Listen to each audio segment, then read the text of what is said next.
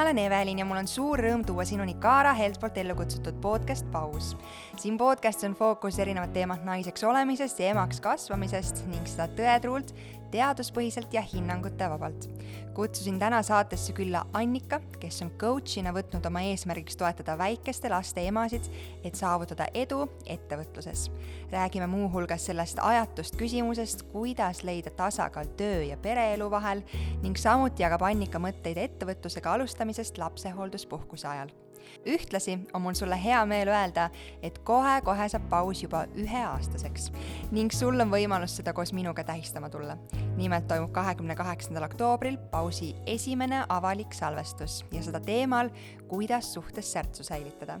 rohkem infot ja piletid leiad kaarahelp.io lehelt tänast saadet toetab aga Baby Trio, pika ning väärika ajalooga beebikeskuse e-pood, mis pakub laia valikut kvaliteetseid ja turvalisi tooteid beebidele ning väikelastele. Baby Trio eesmärk on pakkuda usaldusväärseid ja praktilisi tooteid, mis muudavad noorte perede igapäevaelu lihtsamaks kõik e-poes olevad tooted on alati kohe laos olemas ning kohapeal kaupluses ka nähtavad. Tõenäoliselt parima klienditeeninduse, ülimalt kiire tarne ning maailma parimate brändidega, näiteks Emmaljunga, Maxi Cosi Stocke, Baby Björn, Aeromove, Baby Dan Voxi ja paljud teised. paus kuulajatele kehtib oktoobri lõpuni sooduskood paus, mis annab kümme protsenti kõigilt tavahinnaga toodetelt. aga nüüd head kuulamist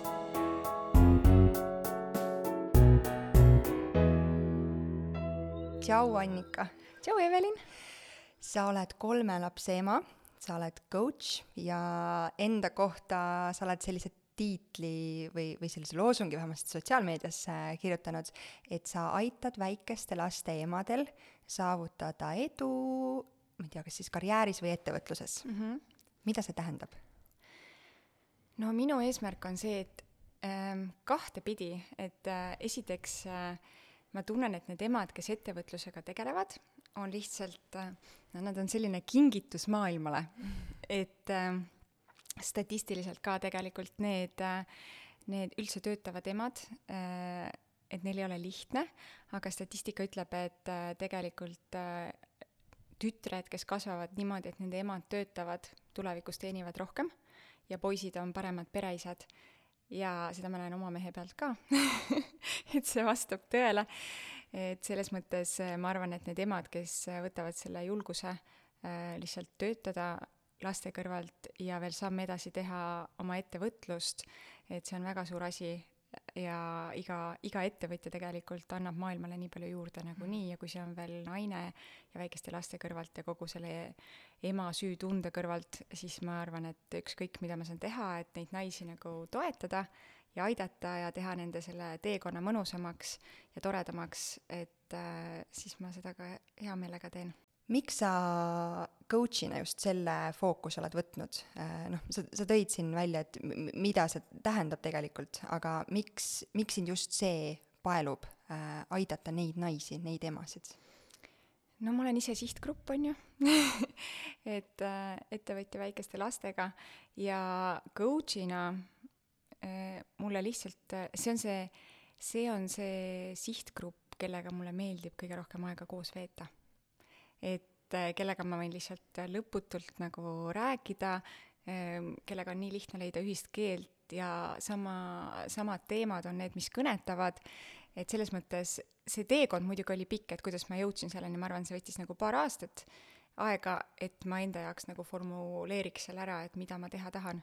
Aga nüüd ma saan aru, et see on nagu parim asi üldse mm., et äh, mis see küsimus oli tead, see, see ei oma üldse tähtsust. mind, ma, ma imetlen seda, kuidas sa räägid nii särasilmselt millestki, mis tegelikult väga paljude jaoks on selline äh, negatiivselt pisaraid kiskuv äh, otsustusraskuste, otsustusraskuseid tekitav koht, et äh, justkui peab valima, kas pere või töö ja mhm. ettevõtlus mm -hmm. ja kui neid kahte üldse kuidagi kombineerida, siis kuidas ja see tundub nii, nii raske ähm, kõik ei ole ettevõtjad ja võib-olla ma, kuigi ma tahan ettevõtlusest tänases saates ka sinuga rääkida, siis äh, ma võib-olla tahaks selle alguse üleüldse karjääri poolest mm -hmm. selle juttu siit äh, lahti veeretada.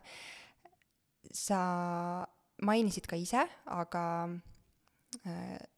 see on kõigile teada, et eriti kui naine saab pisikese vahega mitu last mm, -hmm. siis äh, see auk karjääris võib tegelikult päris pikk mm -hmm. tekkida.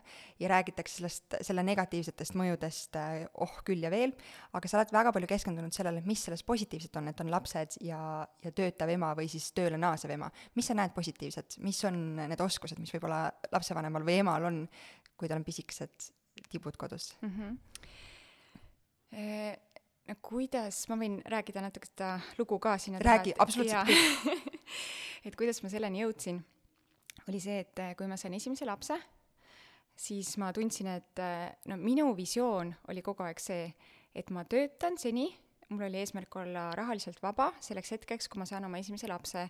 Ja siis ma olen see ema, kes kõnnib nendes värvilistes sügislehtedes, hullab lapsega ja tšillib ja mitte mingit tööd ei tee ja siis, kui see hetk oli käes mu elus, siis ma lihtsalt tundsin, et, et see töö, mida ma tegin sel hetkel, oli mulle nii ka, ja need inimesed, kellega ma töötasin, olid mulle nii hingelähedased, et see oli nagu teine perekond, siis mõtlesin, et ma ei saa hüljata ühte perekonda, et kasvatada teist perekonda, ja siis ma mõtlesin, et maailmas on naisi, kes ju teevad mõlemat, ja kui keegi maailmas saab hakkama, siis kindlasti saan mina ka hakkama, et ma veel ei tea, kuidas, ja tegelikult algus oli ka päris raske et, äh, et ikka oli seal pisaraid ja, ja sellist tunnet, et ma enam ei tea, kuidas ja vastasin kell kolm öösel meilidele ja siis ka mõtlesin, et oo, et laps, inimesed küsisid, et sul vist laps ei maga, et sa öösel vastad, ma ütlesin, et kuule, et kui laps on üleval, siis ma ei vasta meile, et laps magab, sellepärast ma vastan emailidele. et ühesõnaga oli selline keeruline koht, aga siis ma ise äh, palkasin endale ka coach'i Ameerikas tegelikult ühe väga ägeda naise ja ta oli mul mitu aastat toeks ja, ja siis ma jõudsingi tänu temale ka ise sellisesse kohta, et äh, mul olid, nii-öelda elu oli balansis, nii palju kui väikse lapsega saab öelda, et ta on, aga tõesti, et töö oli tehtud, regulaarsed date night'id mehega mm., lapsega, sellised äh, väga teadlikult kavandatud üks-ühele kvaliteetaeg ja nagu kõik väga hästi toimis ja see see on ka üks põhjus, miks ma ise seda coach'i tööd armastan, et ma näen, et kui suure muutuse see saab kellegi ellu tuua, sest minu elu see muutis ikkagi kardinaalselt. ja siis, kuna ma tegin edasi tööd ja kasvatasin äh, lapsi, et ma sain ka, no täpselt kaks aastat on mul esimese kahe lapse vahe ja siis järgmisel on vist, mis meil kaks pool on ju, kolmandaga, et ikkagi noh, nagu suht niimoodi väikese vahega, muidugi mõned saavad aastase vahega, et ma ei tea, kuidas no selles mõttes müts maha nende emade ees, kes seda suudavad teha, et päris ma nii tugev ei ole. aga, aga ühesõnaga, ja siis oli huvitav see, et kui äh, ma arvan, et mu laps oli, esimene laps, kõige vanem oli kaheaastane ja ta rääkis päris palju juba selle aja peale ja lihtsalt need äh, nii-öelda, siis ma sain aru, et need teemad, millega tulevad minu juurde nii-öelda need inimesed, kellega ma töötan, ja need teemad, mis on minu selle lapsega ja millega tuleb tema minu juurde, mis probleemid tal on, siis ma saan aru, et mõned asjad maailmas ei muutugi. et äh, tegelikult need probleemid on täpselt samad ja siis ma hakkasin märkama nii-öelda neid äh, sarnasusi, et kuna minu taust on müük ja juhtimine, ja siis ma järjest rohkem sain aru, et okei okay,, et see on täpselt üks-ühele laste kasvatamine ja kui inimesed minu ümber täpselt rääkisid, et issand, et ma olen nüüd lapsega kodus olnud ja mul on nii suur nagu noh, täpselt see jäänud auk, on ju, karjääri ja keegi mind ilmselt enam tööle ei võta ja nii edasi, siis ma sain aru, et oh my god, et need inimesed, kes nagu kardavad võtta neid naisi tööle tagasi, nad ei tea, mis kullavaramust nad ilma jäävad, sest need naised on mega head müügis ja nad on mega head juhtimises, kes on lastega kodus olnud. et ähm, kuna see kasvatamine on, noh, laste kasvatamine, müükjuhtimine, nagu ma ütlesin, täpselt sama asi, et kui lugeda laste kasvatusraamatuid või lugeda juhtimisõpikuid või müügiraamatuid, see on üks-ühele. sõnastus on erinev? sõnastus on erinev, aga põhimõte on täpselt sama. too mõni igapäevaelu näide no kõik teavad, et äh, noh, lastel on ju, annad valikud näiteks, et kuule, et kas sa tahad panna rohelised või punased sokid, eesmärk on see, et ta paneks sokid väl-, jalga, sest sügis on, on ju. noh, müügis on sama strateegia, choice of two positives nii-öelda, et anna, anna inimesele kaks varianti, et mõlemad on nii-öelda sinu jaoks positiivsed, et kas ta valib selle või ta valib selle toote. et aga igal juhul eesmärk on, et ta saab mingi lahenduse. näiteks üks selline lihtne, lihtne näide. ja no juhtimisvallast mõtle, mis siin äh, nüüd hea näide tuua, aga no üldiselt ega lapsed on inimesed, see on võib-olla selline kõige parem nagu arusaamine, et äh, nemad ka tahavad, et nendega arvestataks ja nende arvamust kuulataks, samamoodi nagu kui olla juht, siis tegelikult inimesed tahavad, et juht kuulab oma inimeste arvamust ja arvestab ja teeb koos asju, et äh, nii-öelda see nõupidamine lastega ja nõupidamine nii-öelda juhi rollis oma nii-öelda nende meeskonnaga, tegelikult need põhimõtted, noh, ongi täpselt üks-ühele ehk siis planeerimine, aja planeerimine, tiimitunnetus ja töö. noh, rääkimata nendest oskustest tõesti, mida ema omandab, on ju, et tõesti oma aega planeerida, ressursse, tavaliselt naised on need, kes planeerivad ju peres äh, finantse tihtipeale, et kuhu raha kulutada, kui palju, nad suudavad arvestada väga hästi. Ehm,, noh, siis stressi juhtimine, on ju, et tegelikult see, et et kui äh, keegi sul karjub kõrval, on ju, sest ta tahab, ta on pikali maas ja röögib, siis keegi teine mingi sikutab kuskilt seelikusabast ja tahab midagi muud ja samal ajal sul on mingi toit käib üle, on ju, pliidi peal, et emal on see täiesti tavasituatsioon. et ja, ja siis ta veel su-, samal ajal on ju mingi üritab kombekat valida välja, on ju, lapsele kuskilt arvutist. et lihtsalt see, kuigi multitasking ei ole hea mõte, on ju, aga kui keegi seda üldse suudab teha, siis on see väikese lapse või väikeste laste ema, on ju et ja see on nagu töösituatsioonis, on ju, ma arvan, et üks keskmine inimene, kes ei ole olnud selles situatsioonis või töötajad isegi noh, et kes kujutab ette, et ta suudab töötada ja kirjutada mingisugust nii-öelda äh, ma ei tea, raportit, nii et keegi karjub ta peale samal ajal. nagu väga vähesed suudaks seda teha, aga see on see, millega üks väike lapse ema on tegelikult harjunud. et äh, mis see stressitaluvus on ja, ja kõik need muud, no võiks jääda rääkima, ma arvan, me võiks terve selle eetri aja rääkida sellest. ma just, ma just, ma kuulan sind ja ma mõtlen peas, ah oh,, see ka, see ka, kohusetunne näiteks tuli mul praegu pähe. mis ja. Äh, ma arvan, et noh, sa ei saa isegi võrrelda ähm, kahekümnendates äh, noort äh,, ma ei tea, kes on äsja koolipingist mm -hmm. tulnud versus äh, võib-olla naisterahvas, kellel on kolm last mm, -hmm. äh, kes on harjunud sellega, et ta, ta peab no matter what äh,, ta peab need asjad tegema oma laste jaoks, ma usun, et temas on kohusetunnet oluliselt palju rohkem no, kui kelleski teises. absoluutselt. et äh, tõesti, et see ema on ikka megaväärtus ja kui ta otsustab tööle tagasi minna, siis need tööandjad peaks nagu jooksma ikkagi väga kiiresti selles suunas, et, et teda endale tööle saada. ometi reaalsus on teist äh, vastupidine? kahjuks küll kas see on, on sa, oled sa näinud oma töös või on sul endal mingisuguseid äh, mõtteid, miks see nii on? on see sellepärast, et väikesed lapsed paratamatult korjavad väga palju haigusi üles, mistõttu võib-olla seda, see eemaloleku periood saab nagu natukene täiendust seal iga, üle nädala, kui jälle mm -hmm. laps lasteaiast kodus on või, või mis see põhjus tegelikult on, miks tööandjad niiviisi ei oota väga? no kindlasti see on keeruline tööandjale, aga ma arvan, et see muidugi on ka hästi palju sõltub emast.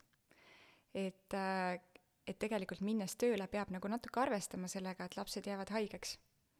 ja nii-öelda see tugivõrgustiku loomine või mingi sellise taustsüsteemi valmis mõtlemine on päris, päris oluline. et ikka realistlikult aru saada ja lapsed on muidugi ka erinevad, mõned on rohkem haiged, mõned on vähem haiged, aga, aga ma coach in ka inimesi, kes on ise tööandjad väikelaste emadele, et ma tean, et see tegelikult on keeruline tööandjale. Et kui ema jälle iga natukese aja tagant on väikse lapsega kodus, aga samas ma saan aru, et võimalused on erinevad aga suhtumine on ka hästi, hästi erinev, et et see ema, kes läheb ikkagi väikeste laste kõrvalt tööle, ta peab olema valmis nii-öelda keskenduma lahendustele kogu aeg. et ei saa võtta seda vabandust, et nii, et nüüd mul on laps haige, nüüd ma ei saa, loomulikult see niimoodi on ja vahest ongi lapsehoidja haige ka ja lapsel on nelikümmend palavikku, tõesti nagu ongi selline situatsioon, aga tihti need situatsioonid ei ole nii kriitilised, et noh, mina olen ikkagi, sõltub tööst jällegi ja sõltub tööandjast, et tegelikult palju ülesandeid saab ka täita ära koos lastega mm. -hmm. et äh, ma olen ise ka käinud äh, väga palju tegutsenud nii-öelda beebi kõhukotis ja ja ma ei tea, sisustanud kortereid samal ajal ja no mis iganes on vaja teha, noh, mul on veel väike kinnisvara niisugune asi ka kõrval, aga noh, selles mõttes, et äh, saab teha igasuguseid asju, aga see sõltubki, ma arvan, hästi palju sellest sõltub tööst, töö iseloomust ähm,, aga kindlasti peaks läbi mõtlema selle, enne kui tööle minna ähm,. selleks on vaja väga suurt tahet. ja selle tahte juurde ma tahan kohe tagasi tulla, aga ma just jäin mõtlema selle peale, et äh, ma olen inimene, kes püüab ka kõige nõmedamates ja raskemates olukordades alati leida midagi positiivset mm Mhm. -hmm. ja olla tänulik selle vähesegi üle, mis Mhm. sellest anti. ja ma jäin praegu mõtlema sind kuulates, et äh, kui midagi nende viimaste aastate äh, alates sealt Covidi kriisist nagu positiivset äh, kaasa võtta, siis on see, kui palju muutusid tööandjad flexible paindlikumaks mm. -hmm. just töökoha äh, osas mm -hmm. ja ma tahaks arvata, et äh, esiteks ma võib-olla äh, kõigepealt parandan ennast, kui ma enne küsisin küsimuse, et, et mitte kõik tööandjad ei ole väga ootusärevil, kui äh, pikalt pausilt naaseb äh, ema tagasi mm. -hmm. tööle, siis tegelikult ma ei räägi kõikidest tööandjatest mm -hmm. ja Mhm. ma usun, et meil on väga mõistvaid ja väga toredaid mm -hmm. tööandjaid, aga, aga lihtsalt see, mis võib-olla on nagu rohkem pilti jõudnud, on see, et ei oodata nii pingsalt tagasi mm. -hmm. aga jah, see paindlikkus, mis on antud, et äh, kodus töötamise võimalus, mida, mis ei ole ka lihtne koduste laste kõrvalt, aga mm -hmm. annab mingigi võimaluse võib-olla jätkata. kindlasti. et ja tegelikult äh, erinevad uuringud näitavad, ütleme mulle, et numbrid alati ei jää kõik täpselt, et Ei mis ole need numbrid olid, on ju, aga tegelikult on ju öeldud, et see päris produktiivne tööaeg päevas inimesel on mingi neli-viis tundi, et kui ta keskendub, siis tegelikult tal ei ole vaja seitse-kaheksa tundi teha äh, istuda töö juures, on ju, et tegelikult väga palju auru läheb nii-öelda sellele, et fookus on paigast ära ja sotsiaalmeedia ja nii edasi, ja, ja minu kogemus lihtsalt, kui ma vaatan inimesi, kellega mina töötan, et siis mul on selline tunne küll, et need väikelaste emad, nad lihtsalt suudavadki väikese ajaga saada nii palju rohkem asju tehtud, kui siis keegi võib-olla noh, et see ongi, et, et inimene kasutab ära kogu aja, mis tal on. see töö efektiivsus on lihtsalt nii palju suurem. just, just, et ähm, see on huvitav, oh, ma juba tahaks nii palju teemasid sinuga, Annika, veel rääkida.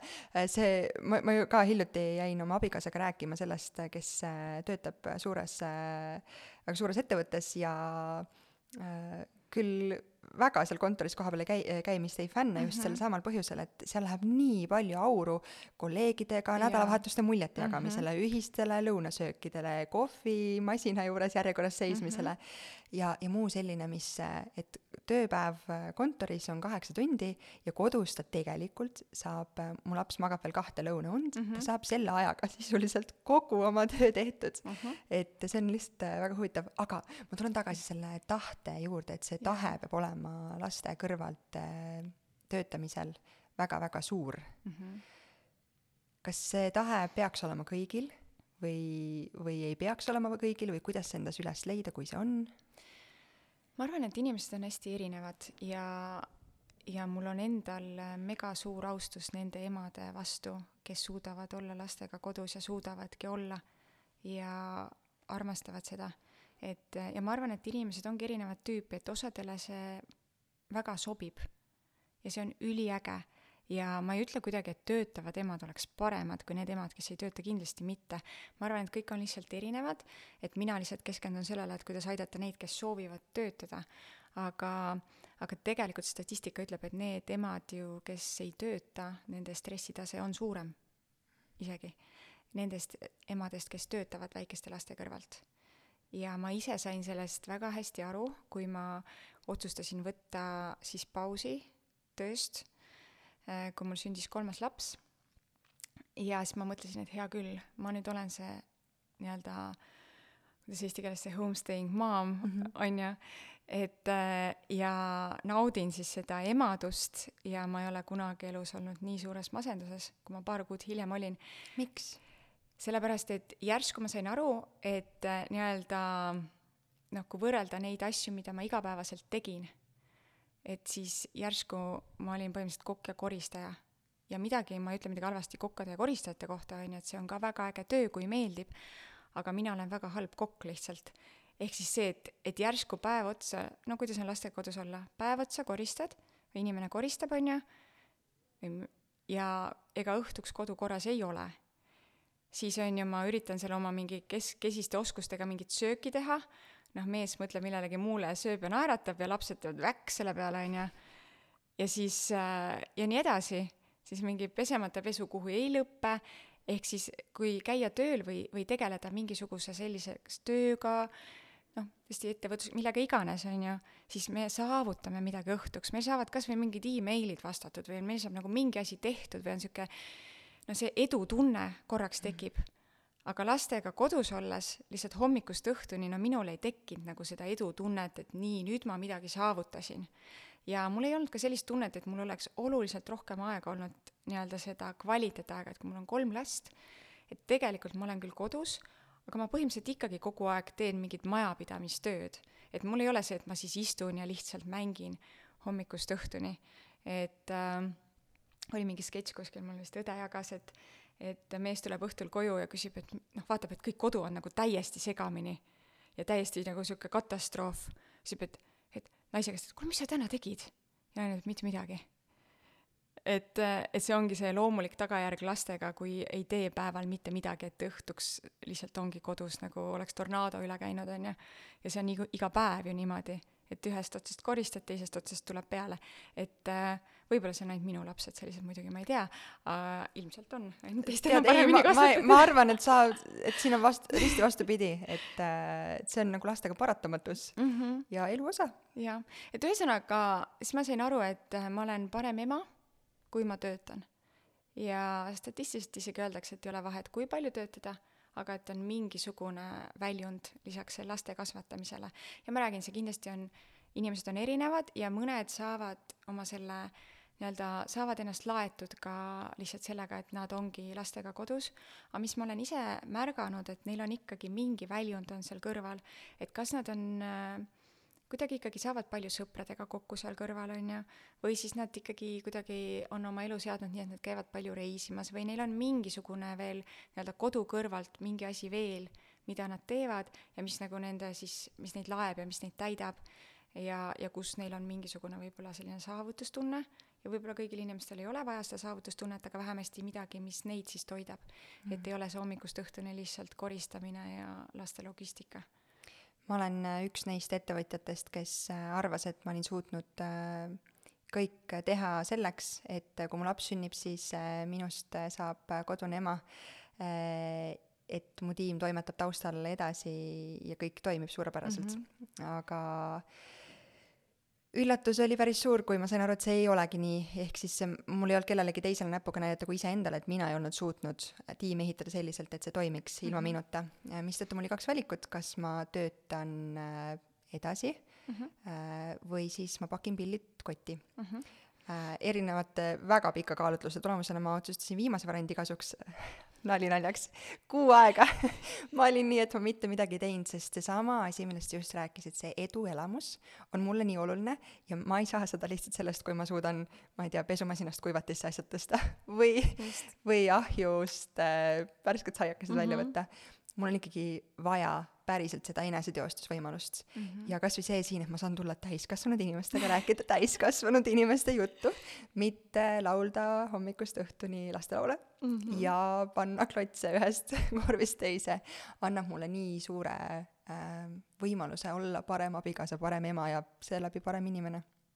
absoluutselt ja need, ja need tihti need asjad ei peagi olema nagu tohutult suured, nii nagu sa ise ka näitena tõid mm, -hmm. et mhm. kui ma saan selle ühe tööalase meili kirjutatud, siis see eduelamus on juba minu jaoks nii suur mm, -hmm. et ma suudan terve ülejäänud päeva selle najal nagu lennelda. jah, saab neid klotse laduda rahuliku mhm. südamega, on ju, et midagi on juba tehtud just.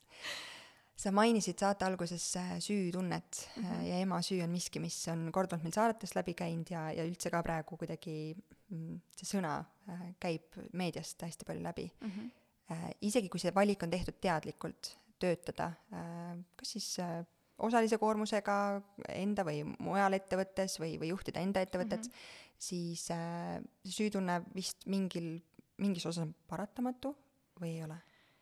no mulle Kuidas tundub, äh, tundub küll, et see kuidagi automaatselt sünnitusmajast kaasa antakse et äh, emad ikkagi ja no ma arvan, et see on naiste teema ka, et naised ikkagi on sellised, kellele meeldib äh, kuidagi ennast süüdi tunda kõiges ja pisendada ja nii edasi, et mulle tundub lihtsalt, et see on rohkem naistel kui meestel.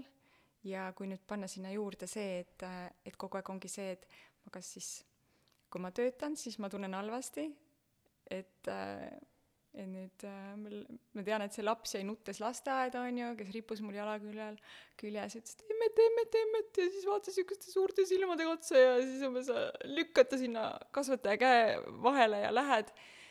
ja siis noh, teistpidi on jälle see teine tunne, on ju, et kui ei tööta ja siis on selline tunne, et ma nagu ei, ei panusta pere majanduslikku heaollu mm. et igatepidi on see süütunne et ähm, kuskilt ma, see oli ka kuskilt podcast'ist, see oli mingisugune USA podcast, mis ma kuulasin, ja üks ka emast ettevõtja minu arust nii ägedalt ütles, et äh, tuleb õppida vaimustuma, mitte äh, nii-öelda jääda igatsema seda, mis jääb maha, vaid vaimustuma sellest, mis ootab ees. ja mis ta sellega mõtles, et kui jalutada nüüd lasteaiast kontori poole, äh, siis, siis ei mõtle, et oh issand jumal, et kuidas mul see lapsuke seal hakkama saab ja nii edasi, vaid lihtsalt mõelda, et oi kui äge, ma saan nüüd oma neid ägedaid tööasju hakata tegema, inimestega kohtuma. ja siis, kui jalutada sealt kontorist lasteaia poole, siis ei mõtle, et oi, see meil jäi vastamata, see asi jäi tegemata, vaid mõelda, et oh kui vinge, et nüüd ma näen oma lapsi ja nüüd ma saan mingi mõnusa õhtu nendega veeta, et see ümberlülitamine ja ümber häälestamine ähm, aitab väga palju et lihtsalt panna nagu asjad perspektiivi ka, minu arust emana on see kogu aeg hästi oluline, et lihtsalt kogu aeg panna need asjad perspektiivi. mõtteviisil on hästi suur roll mm. -hmm. kuidas sa siis äh, teie peres selle klaarisid, et äh, sa said aru, et igapäevaselt kodus äh, koristamine ja söögi tegemine ei ole sulle ja sa soovid seal kõrval ikkagi mingit muud väljundit ka, paratamatult keegi kodus koristama peab ja keegi süüa tegema peab ja kuigi isad on võrdväärsed lapsevanemad mm, -hmm. siis äh, vist on võib-olla ei ole, aga ma kas või enda näitel mõtlen praegu, mul on suurepärane abikaasa, kes saab põhimõtteliselt kõigega hakkama aga, aga ma ei saaks, ta ei saaks kõigega hakkama, mis võib-olla mina koduses keskkonnas mm, -hmm. mille eest ma hoolt kannan. jaa, mul on ikkagi väga, väga, väga, väga, väga vedanud mehega, mul on üldse kõigega elus vedanud. et ma iga päev olen nagu väga tänulik, et mulle tundub, et mul on nii palju antud ja, ja mul on antud ka väga suurepärane mees, kes tõesti äh, vahest mulle tundub, et ta nagu mõtleb rohkemate asjade peale ja, ja kui mina, et aga selles mõttes, et ta teeb nagu kõike, mis on vaja või aitab nagu samaväärselt. küll aga ma õppisin hästi varakult ära delegeerimise.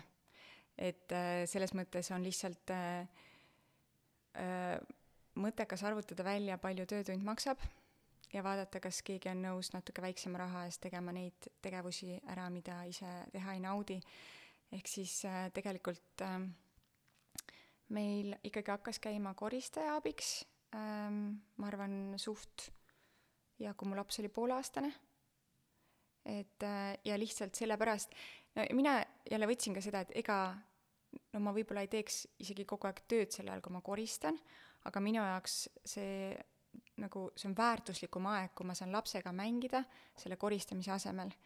siis mingi periood, mul on olnud assistente, äkki kaks või kolm isegi vahest korraga, et äh, kes siis ja ma olen nii-öelda delegeerinud ära kõik need ülesanded, mida ma otseselt ei pea tegema. et oli mingi hetk, kui äh, äh, meil oli abiks üks inimene, väga äge inimene, kes isegi tegi meile süüa, ja siis ta tõi meile söögi kaks korda nädalas, nii et ma pidin lihtsalt soojendama või nii-öelda, ja siis tõesti tervislikku ja mõnusat sööki.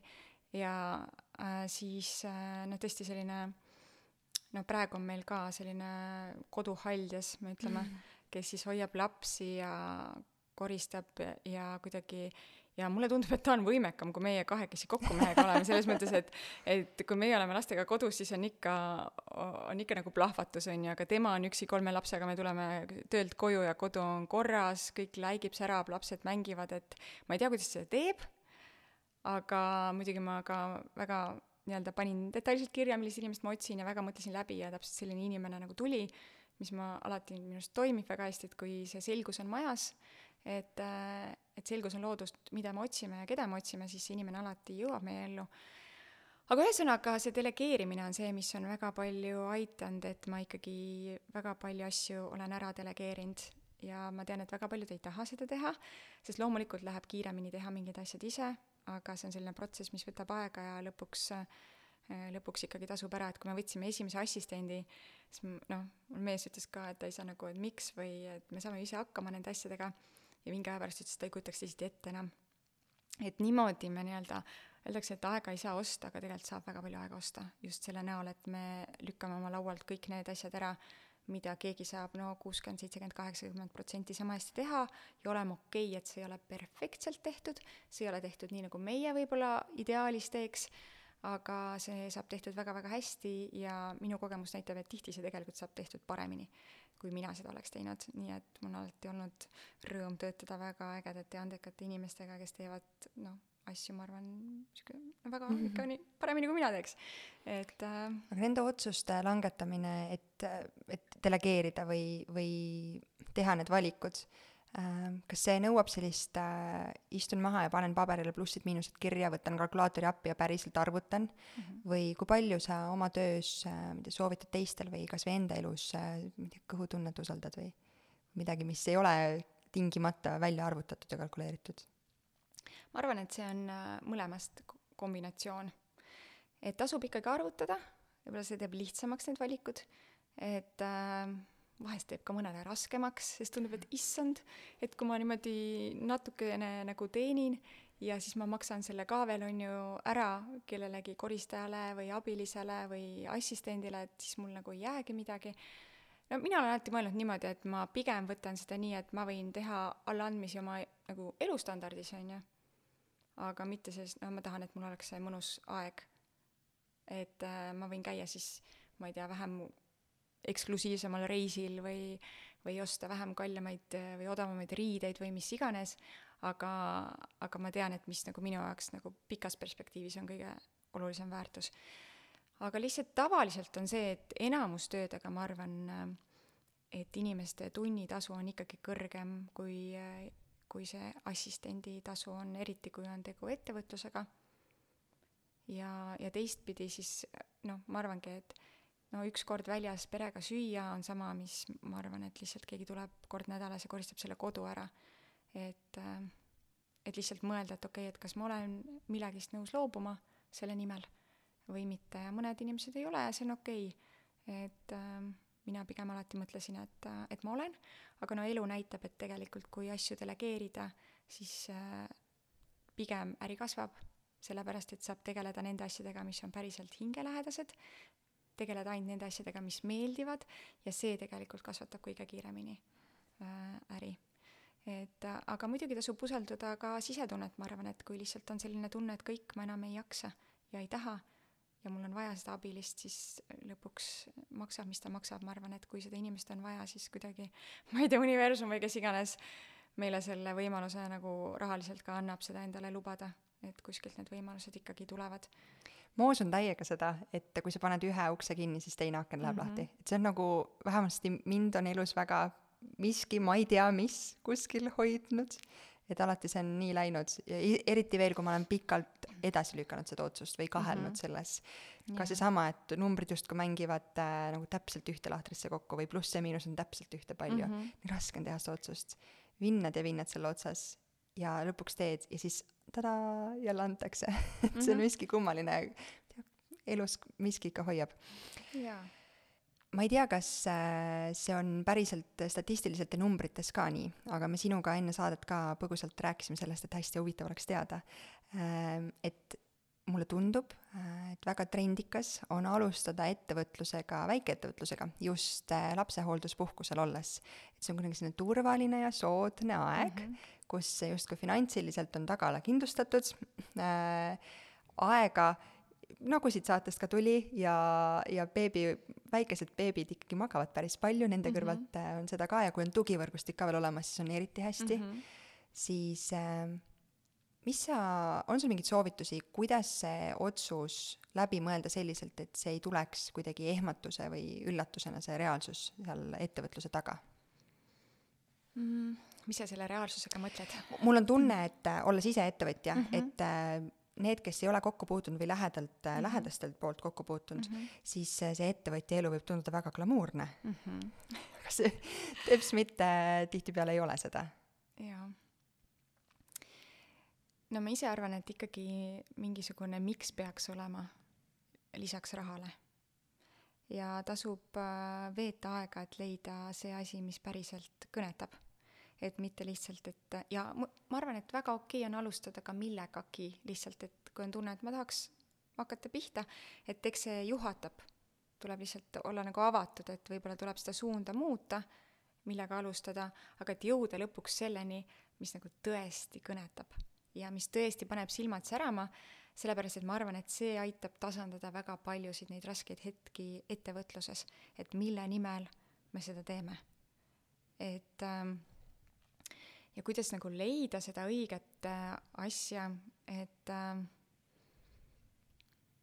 no ma mõtleks, äh, kui ma peaks alustama ettevõtlusega ja mõtleks, mis ma nüüd hakkan tegema, siis ma mõtleks, et äh, et kes on need inimesed täpselt, kellega mulle meeldib aega veeta või kellega ma tahaks aega veeta, et need võiks olla kuidagi sihtgrupiga seotud siis. Äh, mis on need teemad, mille kohta mulle vabal ajal meeldib võib-olla uurida, et mis mind juba, juba nagu kõnetab, äh, mis on need asjad, mis ma ise tunnen, et on mu tugevused ja mis, mis tavaliselt, mis öeldakse mulle, et kuule, et sa oled väga hea selles või selles või sul tuleb see asi nii hästi välja. et ma ise usun, et kui me leiame selle, mis meil on loomupärane ja tuleb juba hästi välja, siis kasv on ka hästi palju kiirem ettevõtluses. et ja jah, et see on okei okay,, kui natuke peab tiirutama seal ümber, et leida päris see nišš ja ma ise võtsin ka mõned online koolitused, kes aitasid nagu kuidagi määratleda seda nišši ja läbi mõelda ja mul endal ikkagi võttis aega, et ma jõuaks päris selleni, mis ja mis kujul ma teha tahan. ja ma arvan, et äh, see on okei okay. aga jah, laste kõrvalt on vahva hakata nagu nokitsema vaikselt ja mõtlema, muidugi kõige raskem hetk tavaliselt on siis, kui see emapalk otsa saab ja ettevõtlus ei ole veel võib-olla sellisel tasemel, nagu tahaks, et see oleks, aga ma näen praegu, et äh, isegi inimestel, kelle ettevõte on nagu kasvanud niimoodi, et tegelikult keskmine inimene vaataks, et vau, see on päris kõva ettevõte, eriti arvates, et tegu on nagu väikeste laste emaga ja et ta hakkas, alustas seda nii-öelda laste kõrvalt, siis talle endale ikkagi tundub, tundub, et oh my god, et nüüd kaob see emapalk ära ja nüüd ma pean kohe, ma pean kohe nii palju rohkem teenima, on ju. et ikkagi selline väike pinge tuleb peale, et nii, et nüüd jääb mul nagu eelarvesse see auk eriti see, et ega paljud ei taha ju endale palka maksta ka ettevõttes, siis tundub nii, et oi-oi-oi-oi-oi, et mis nüüd saab, et äh, tasub nagu valmis olla selleks hetkeks, et et eks see väike nii-öelda ärevus võib ikkagi sisse tulla, kui see emapalk lõpeb, et siis tuleb nagu lihtsalt kainelt vaadata üle, et okei okay,, et mis, mis see seis siis päriselt on, on ju, et palju mul need äh, ei tasu nagu kohe selles mõttes ära ehmatada, minna palgatööle tagasi, ma lihtsalt arvan seda, vaid lihtsalt vaadata, et okei okay,, palju mul siis mees tegelikult teenib, palju mul need kulud on, et kas, kas asjad on nii halvasti kohe, nagu tundub, et nad on, või tegelikult päris nii halvasti ei ole ja ma saan ikkagi jätkata sellega, mis mulle meeldib teha.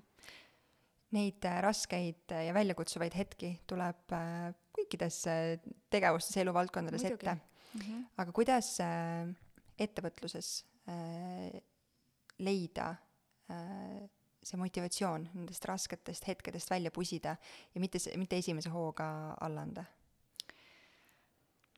Kõige tähtsam ikkagi on läbi mõelda see, miks ma seda teen. ma ise usun sellesse, et kui seda, kui see ei ole päris hästi läbi mõeldud, siis on lihtne alla anda.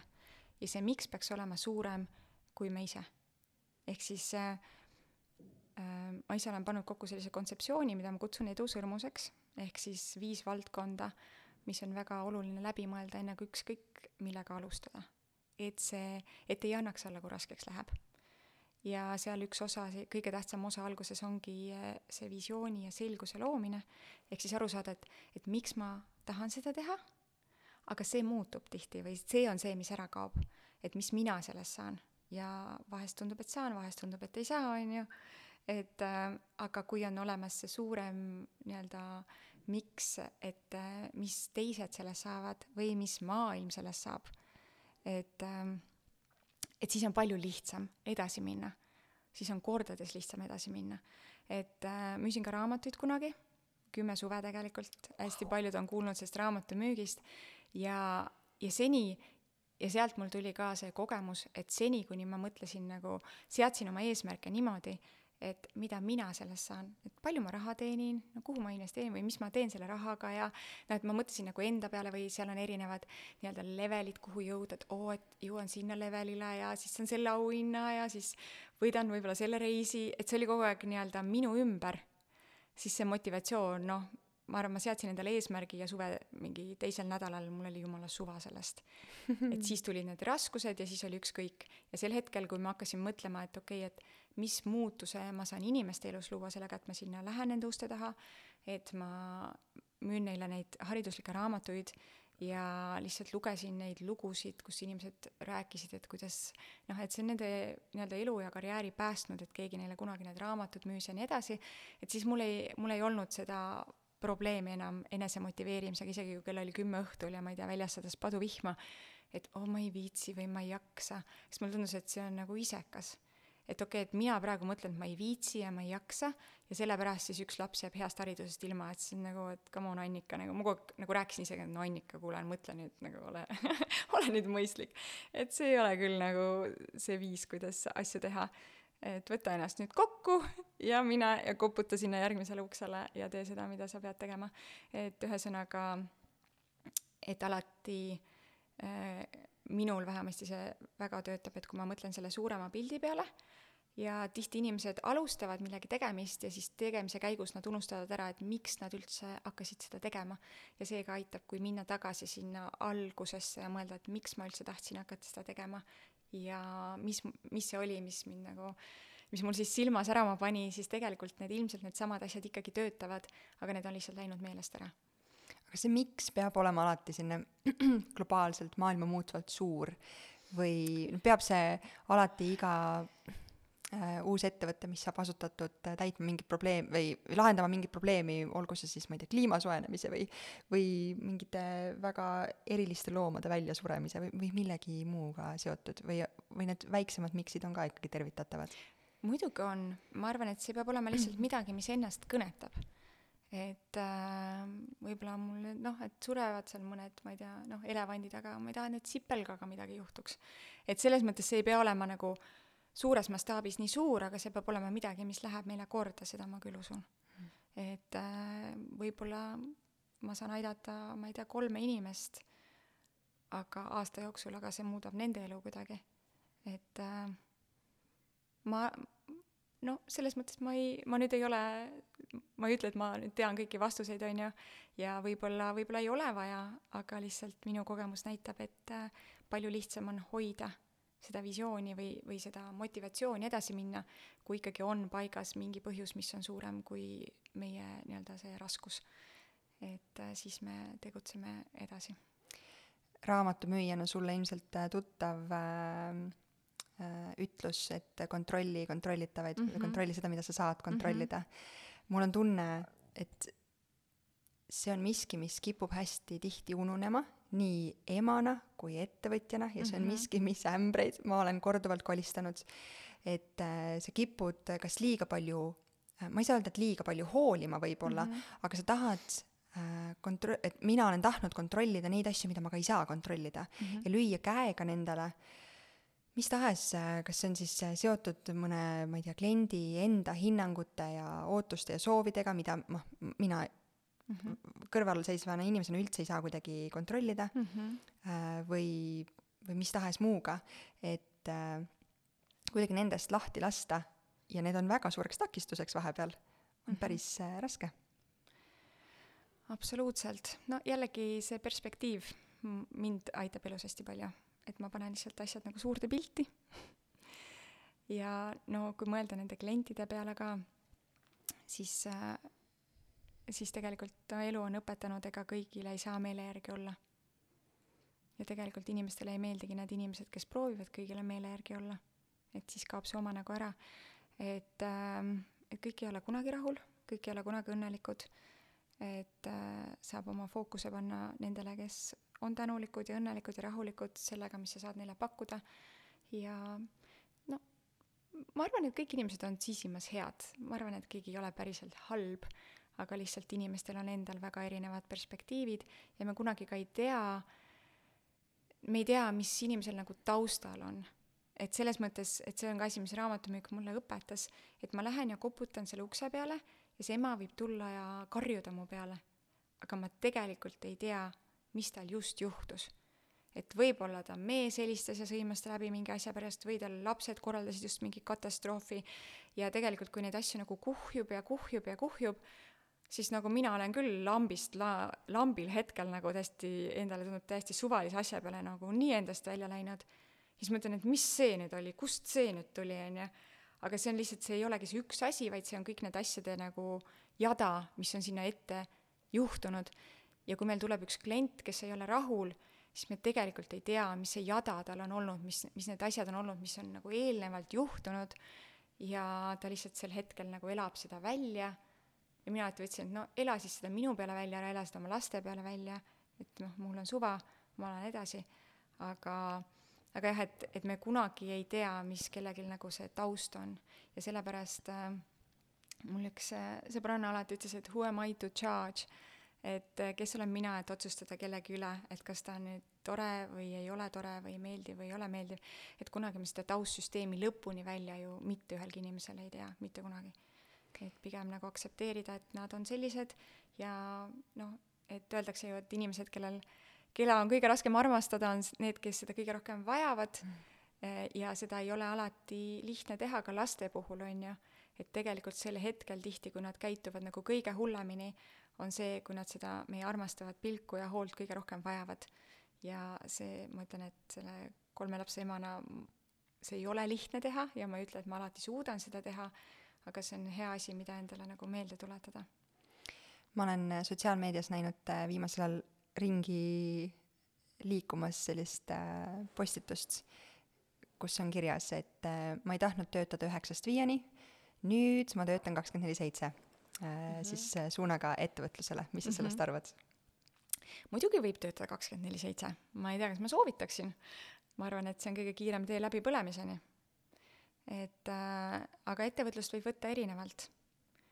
et jällegi no ettevõtluses ikkagi tuleb aru saada, et mis on minu tugevused ja keskenduda nendele ja ikkagi ma arvan, et kakskümmend neli seitse töötavad need inimesed, kes ei suuda delegeerida, kes ei oska delegeerida, kes ei ole valmis delegeerima ja noh, miks on äh, nii-öelda emana, kui jookseb ema palk hea alustada, on see, et ei ole mingit pinget, on ju. Et saab tegelikult suht varakult delegeerida ära ja isegi kui see ettevõte jookseb enam-vähem nulli, aga teised inimesed teevad need ebameeldivad asjad ära et siis see kasv on tegelikult suurem, et ei tõmba ennast kinni. et äh, ma arvan, et äh,, et ettevõtjana jah, see on kõige kiirem viis nagu läbi põleda, et proovida kõike ise ära teha ja, ja nii-öelda kogu aeg, kogu aeg mõelda selle ettevõtluse peale, et kui peas ainult, ja ma ise olen hästi palju sellega tööd teinud ja endiselt ma töötan, et kuidas mitte kogu aeg töö peale mõelda, sest ma lihtsalt alati olen teinud tööd, mida ma väga armastan. Ja ma alati olen pannud suuri eesmärke. Eh, ja siis on see, et ma ärkan hommikul üles ja mõtlen, kuidas ma seda saavutan ja siis ma lähen õhtul magama, viimase asjana mõtlen, mida ma veel saaks teha, et selles mõttes ma, ja ma olen läbi põlenud ka tänu sellele. et aga, aga tegelikult on hästi oluline oskus ennast välja lülitada, ettevõtlusest ka ja võttagi noh, näiteks soovitatakse ka minna, et, et kui minna reisile, et siis lugeda romaani, mitte mingit äh, ärilist eneseabi, eneseabiraamatut, vaid lihtsalt eh, mõttel puhata lasta. Ja siis on see, kui tegelikult need kõige paremad mõtted saavad tulla, sest kui meie pea on kogu aeg mingit virvarri täis, siis tegelikult need ülihead ideed, neil lihtsalt pole nagu ruumigi. et kui mingi sahtel on nagu pilgeni mingit sodi täis nii-öelda, sinna ei saa enam midagi nagu panna, lisada, on ju. et meie pea on samamoodi, et kui see kogu aeg on mingeid asju täis, siis sinna midagi enam ei saa lisanduda et ja no ettevõtjana, eriti kui olla veel väikeste laste ema, ma arvan, et see oskus võtta endale aega, mis kõlab nagu kui ma ei oleks väikelaste ema ja ütleks ettevõtjast emale, et lihtsalt võta enda jaoks aega, siis ta mõtleks, et jaa, jaa, muidugi sa ei tea, millest sa räägid, on ju. et see tundub nagu võimatu missioon, võimatu võtta endale aega, ometi ma näen, et äh, need, kes seda noh, kas siis kas või justkui võib kõrvalt vaadata nagu isekalt teevad, tegelikult on paremad ettevõtjad ja on paremad emad kokkuvõttes, sest neil lihtsalt see enda tass on nii palju rohkem täis, kui nad on lastega, siis nad on päriselt lastega, nad ei mõtle samal ajal, et oot-oot, mis ma veel pidin ära tegema. ja kui nad on noh, nii-öelda teevad oma ettevõtja tööd, siis nad on selles rollis. et lihtsalt oskus seda rolli vahetada ja oskus ikkagi leida need asjad, mis laevad, isegi kui, ja see ei pea olema mingi tunde päevas, aga see peab olema mingid hetked, kui ei mõtle laste peale ja kui ei mõtle ettevõtluse peale. sinu jutust jääb hästi palju kõlama see, et äh, delegeerimine on ettevõtluses ikkagi märgilisuse, märgilise tähtsusega mm -hmm. selline asi, mida ei saa mitte kuidagi nagu tegemata jätta. no saab, aga siis äh, tavaliselt inimesed põlevadki läbi. see ei ole väga jätkusuutlik. no võib-olla on mõni teine näide, aga ma ei, ma ei tea, ma ei ole küll näinud kedagi, kes teeks kõik ise ära ja suudaks seda ja võib-olla ja suudaks oma ettevõtet kasvatada nagu mõnuga ka veel on ju, et võib-olla ta siis ongi, selliseid inimesi on küll, kes teevad kõik ise, aga tavaliselt nend see noh, ega see asi nagu nii kiiresti ei kasva ka, on ju. sellepärast, et nad tegelikult ei jõua keskenduda sellele, mis on, no see on see kakskümmend, kaheksakümmend on ju, et nad mm. ei, ei, ei, neil ei ole nagu aega ja, ja ruumi keskenduda sellele, mis tegelikult, kust see kasv tuleb, sest kogu aeg peab ju midagi muutma või midagi tegema natuke teisiti jälle, et see kasv tuleks. kui ma enne mm. viitasin sellisele ähm, glamuursele vaatele ettevõtlusest mm, -hmm. siis võib-olla ma isegi mõtlesin või pidasin silmas seda, et et ettevõtluse vorme on mustmiljon erinevat mm -hmm. ja, ja ettevõtte tüüpe ja milliseid probleeme need lahendavad, on täpselt samamoodi mm -hmm. igaüheks oma. aga mul on tunne just see, see trendikuse aspekt, et väga palju tehakse selliseid, noh, ongi selline väike, lihtne e-pood, ühe naise, ühe ema mhm. ettevõte mm. -hmm. noh, tahaks, et see lihtsalt äh, täidaks minu äh, ootused ja lootused ja kataks kulud mm. -hmm. et justkui selline tegelikult teen nagu päris tööd, aga lihtsalt esitan kellelegi arveid selle eest, et mm -hmm. mitte ei saa pangakontole mm -hmm. palka mm. -hmm. ja, ja, ja mi, ma tunnen, et just äh, see vale nagu, ma ei saa öelda vale arusaam, aga see piirab hästi palju äh, naiste seda kasvupotentsiaali või emade kasvupotentsiaali.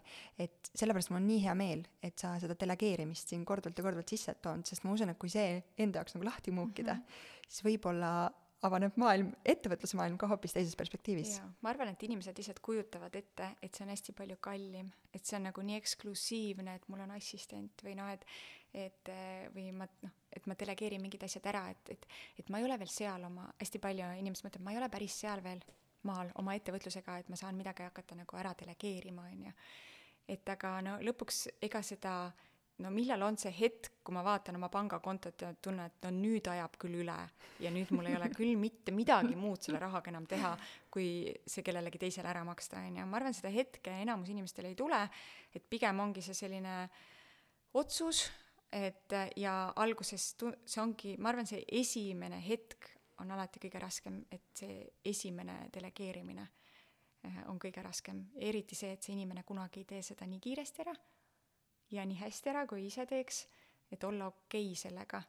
et aga samas ikkagi, kui tahta kasvada, siis ma tõesti ei kujuta ette, kuidas teisiti on võimalik, sest muidu see jääbki lihtsalt, et inimesed, väga paljud inimesed ongi, et nad mõtlevad, et nad teevad ettevõtte ja tegelikult nad loovad endale lihtsalt töökoha, on ju, ja nad ikkagi töötavad samamoodi edasi või noh, mitte enam siis nagu sa ütlesid, üheksast viieni, vaid kakskümmend neli seitse, et ja kas see siis teeb neid päriselt nagu õnnelikumaks, lisandub see pinge, et no nüüd mu palk sõltub veel sellest, et et kas mul nüüd, no kas ma saan kliente või ei saa tegelikult, et mul ei ole enam seda, et iga kuu teenin mingi kindla summa, et noh, samas on ju väikelaste emana ettevõtlus jällegi on mõnus, sest see on nagu paindlik, et see ongi plussid-miinused, ta on hea läbi mõelda, aga, aga ma arvan, et see jälle sõltub inimesest, võib-olla mõni inimene tahabki endale seda töökohta lihtsalt nii-öelda, et ta tahabki vaikselt teha seda e-poodi ja selles ei ole ju midagi halba, et äh, las ta teeb, et äh, jah, mulle lihtsalt, ma olen sellist tüüpi, et kui ma vaatan mingit ettevõtet juba,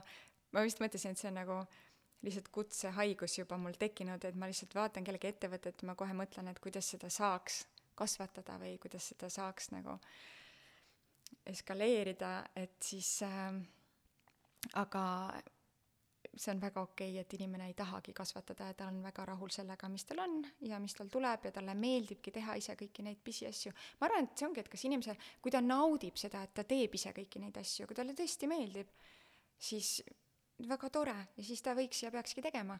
et äh, pigem on see, et kui inimene tegelikult ei naudi ja tegelikult ei meeldi, et äh, siis need asjad võiks hästi kiiresti anda oma taldrikult ära, sest need tegelikult võtavad väga palju rohkem energiat kui see aeg, mis sinna läheb ja see on lisafookus, jällegi, et see on üks lisaasi, isegi kui see võtab tegelikult vähe aega, aga see on lisaasi, mida ma pean tegema, mille peale ma pean mõtlema ja mida ma tegelikult ei naudi ja see tõmbab, selle tegemine ei anna energiat, vaid see tegelikult võtab meilt energiat ja siis meil ei jää nii palju energiat selle, selle jaoks, mida meile tegelikult meeldiks teha. ja siis on ka raske seda ettevõtet kasvatada. nii head mõtted. kas sa võiksid siia lõppu äh, anda, ma ei tea, kolm või viis või mis iganes number tuleb, siis nagu päriselt praktilist soovitust, kuidas leida seda tasakaalu enda jaoks, et äh, et kodu ja, ja tööelu äh, ühildada, kui see valik on tehtud mm. -hmm. on see kell kukub, siis arvuti kinni, nui neljaks seda lahti ei tee. sa tõid, mul, mulle väga-väga meeldis see mõte, mis sa välja tõid, et kui sa kõnnid jal-, jalutad kontorist äh, lasteaeda, sa mõtled mm -hmm. eesootavale laste rõõmsale nägemisele ja vastupidi, siis sa mõtled tööle ja ei mõtle nii palju tagasi. aga midagi veel sellist, mis äh, võib-olla lihtsustab seda tasakaalu mm. leidmist? no mina arvan, et tegelikult tuleks endale panna reeglid paika. et äh, või jällegi, midagi ei pea tegema, midagi ei tule teha, et ma tegelikult ei taha öelda, et peab tegema või tuleb teha seda, aga, aga ma arvan, et see aitab väga palju, kui inimene paneb endale, otsustab ära, et ma hakkan ettevõtlusega tegelema, aga ma tegelen sellega näiteks no maksimum kakskümmend tundi nädalas. ja, ja siis äh, ei lähe sealt üle. et äh, sest tegelikult ma usun, et kõike saab ikkagi välja mõelda ja me rääkisime delegeerimist delegeerimisest palju, aga tegelikult me ei rääkinud üldse automatiseerimisest mm., mis on ka väga suur asi, et tegelikult väga palju asju annab automatiseerida, delegeerida, elimineerida, et väga paljud, mis ma ise näen, et inimesed tegelevad nii palju asjadega, mis tegelikult nagu ei ole olulised hetkel nende jaoks või sellel eluetapil ei ole nii tähtsad. et äh, ja sinna läheb nii palju energiat, et noh, näiteks kui ma tõesti tegin, noh, ma tegin ikkagi mitte kakskümmend tundi, ma tegin ikka palju rohkem tööd oma väikeste laste kõrvalt, nüüd ma teen palju vähem tööd tegelikult, et äh, aga siis nagu ma lihtsalt otsustasin ära, et need on need asjad, mis on olulised minu jaoks ja need on need asjad, mis ei ole. et näiteks no ma ei veeda kaks päeva valides lapsevankrit. ma leian kellegi, ükskõik kas sotsiaalmeediast või kust iganes, kes ma tean, et tal meeldib otsida välja ja ta kindlasti postitab, või minu jaoks on see õde oli, kellel juba oli, oli nagu, olid lapsed, kui mina sain, ja siis ja tema nagu kuidagi, noh, tema on lihtsalt selline inimene, et ta ei veeda palju aega selliseid asju tehes, aga ta kuidagi, tal on mingi supervõime, et ta suudab nagu kuidagi näha mingit infot ja panna selle kokku õigel hetkel ja ta mäletab, kust ta selle info sai. minu arust, et mina kuskil nägin ja ma elu sees ei mäleta, kus ma seda nägin või kes seda ütles, aga temal siis ma küsin mingi küsimuse ja siis ta kohe ütleb, aa kuule, ma saadan sulle lingi kuule, keegi just rääkis sellest. kuule, ma just nägin seda postitust ja siis ta on nagu, noh, ta on selles mõttes tõesti geniaalne. ja siis tema, no siis näiteks tema ja veel paar inimest, kes ma ütlesin, kuule, mis see kõige parem lapsevanker on, siis näed, soovitaks neid kolme. Siis ma ütlesin, aa okei okay,, ma võtan selle, et ma nagu ei veeda palju aega asjaga. Ja no siis ma vaatasin, et okei okay,, see vanker mulle ei sobi, ma ostan teise vankri, et noh, nagu seda ma tegelikult õppisin ühelt äh, inimeselt ammu-ammu, et äh,, et ära veeda palju aega ebaoluliste asjadega oma elus. On ka inimene, kes väga-väga palju on saavutanud ja väga kaugele jõudnud. Ja just asjad, et et noh, et ma ei jää kinni, et ma ei, ma ei vali nagu ma ei tea, et milline see kõige parem, ma ei tea, makaron nüüd on, et ma lihtsalt võtan, teen mingi valiku ära ja see on tehtud ja ja noh, nagu et ma lähen poodi, ma ostan need asjad ära ja ma lähen poest välja ja see on tehtud, et ma ei jää mõtlema, et noh, nii-öelda nende pisiasjadega ei jää kinni. ehk siis nagu selgeks mõelda enda jaoks, et esiteks, mis on mul need tööraamid et mis kellast ma alustan tööd ja mis kellast ma lõpetan tööd.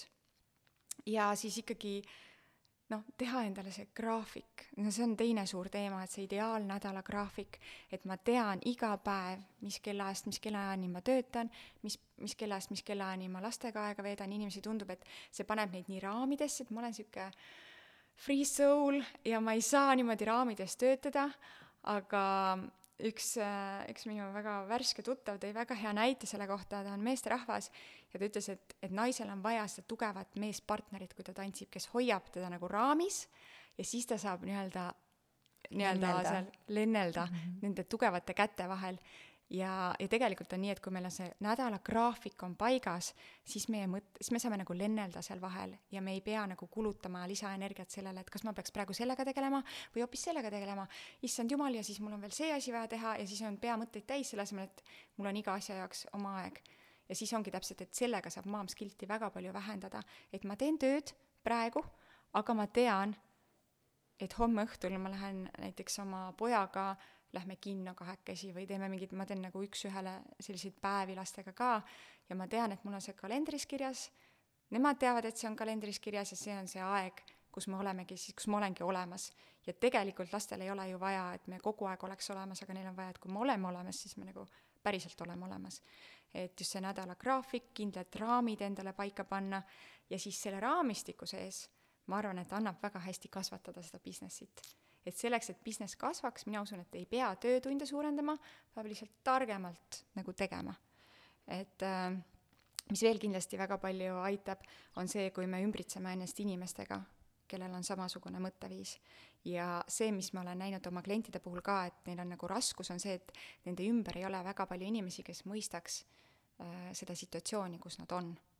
et äh, ema, kes on lastega kodus, ta võib-olla ei saa aru sellest sõbrannast, kes kasvatab oma ettevõtet väikeste laste kõrval, et miks, et nagu sul on ju ema palk jookseb, mees teenib normaalselt, nagu mis sul viga on. jälle sa võtad mingi uue koolituse, sõidad jälle nädalavahetusel kuskile ära oma mingile koolitusele, lapsed on jälle kuskil vanavanematega, et noh, et mis ema sa oled umbes ja tegelikult see on nagu, see lisab ju veel seda maamiskilti ja raskustunnet, et ühesõnaga, kui sa tahad teha ettevõtlust, siis ümbritse ennast nende naistega, kes ka teevad väikeste lastega ettevõtlust näiteks. või kui sa oled töötav ema, siis leia enda ümber need, veel neid inimesi, kes on töötavad emad. et loomulikult su mingi kahekümne viie aastane meeskolleeg ei saa aru, mida sa nagu, mida see sinu elu nagu endast kujutab ja ta ei saagi aru saada keegi, kellel ei ole lapsi, ei saagi kunagi aru saada, mis tähendab see, kui on lapsed, kuigi mina arvasin küll, et ma saan aru, ma olen kümme aastat raamatuid müünud, ma olen näinud mingi kümne tuhande perega maha istunud, midagi ma ei saanud aru. et tegelikult ei saa. Ja keegi nii-öelda, keegi, kes ei ole päris täpselt selles situatsioonis, igas ettevõtjast ema on ka oma unikaalses situatsioonis, mõnel on tugivõrgustik ja mõnel ei ole tugivõrgustikku, et et mis veel nagu oleks siis see nõuanne nii-öelda mida võib-olla ka väga palju räägitakse, aga ikkagi inimesed ei jälgi seda, et jumala eest ära võrdle ennast teistega, on ju.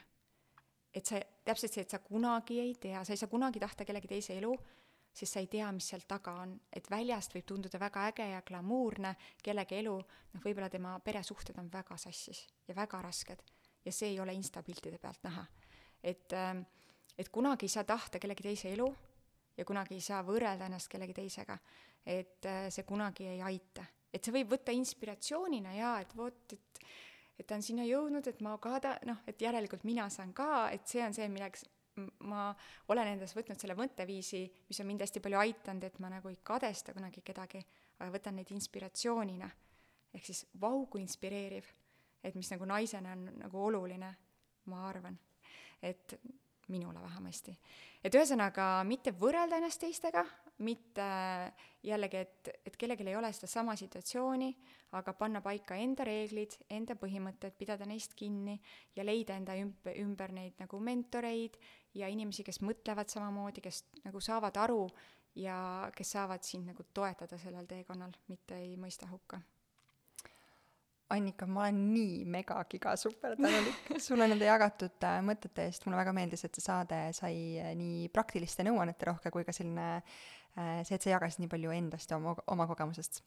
siia lõpuks, et kõigile ettevõtjatele või soon to be ettevõt-, ettevõtjatele meelde jääks, delegeeri mm, -hmm. automatiseeri, sea elimineeri, elimineeri mm, -hmm. sea paika piirid ja raamid mm. -hmm ja siis äh, ma ei tea, kas äh, koond-, koosta ise kokku selline mastermind äh, ägedatest inspireerivatest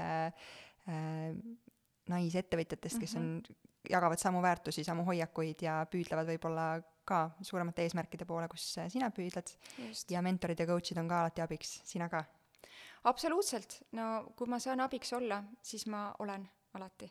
et see ongi minu missioon ja see ongi see, mis paneb mul silma särama et kui ma saan kellegi ettevõtjast ema elu teha natuke lihtsamaks oma teadmistega ja no ma ise võtangi, et ma ei ole tegelikult selline klassikaline coach, et ma ikkagi aitan nii, nagu ma saan, et äh, kõik oma teadmised ma nii-öelda lükkan lauale ja kui vaja, teen müügikoolitustiimile ja no mis iganes, et kuidas ma saan kasulik olla, niimoodi ma kasulik olen. ja ma väga tegelikult tahan ka luua sellist äh, sellist äh, platvormi ja kogukonda, mis ikkagi ühendaks Eestis neid ettevõtjatest emasid, ma ei ole sellega veel väga kaugele jõudnud, sest äh, noh, ütleme nii, et ma olen otsustanud, et ma teen mõnuga ja kergusega kõike oma business'it kasvatan nii, nagu ma teen ja nagu ma jõuan, aga nüüd ma tunnen, et nüüd mul on energiat ja ressurssi juba sellega tegelema hakata ja rohkem neid üritusi ka, et kuhu koondada just, just see sihtgrupp omavahel, et nad saaks tuttavaks ja et nad saaks jagada ideid ja, ja teha seda nii-öelda, mis neil silma särama paneb mõnu ja rõõmuga. super, see, kuidas sa räägid kõike ja jagad või oled täna jaganud, sa teed seda nii kirglikult ja nii särasilmselt, et ähm, sa ise ütlesid, sa tunned, et sa oled õiges kohas, sest sa teed seda, mida sa päriselt tahad, siis mulle täitsa võõrale tegelikult väljapoole paistab see ka, nii et aitäh sulle! aitäh sulle, väga tore oli! tšau tšau!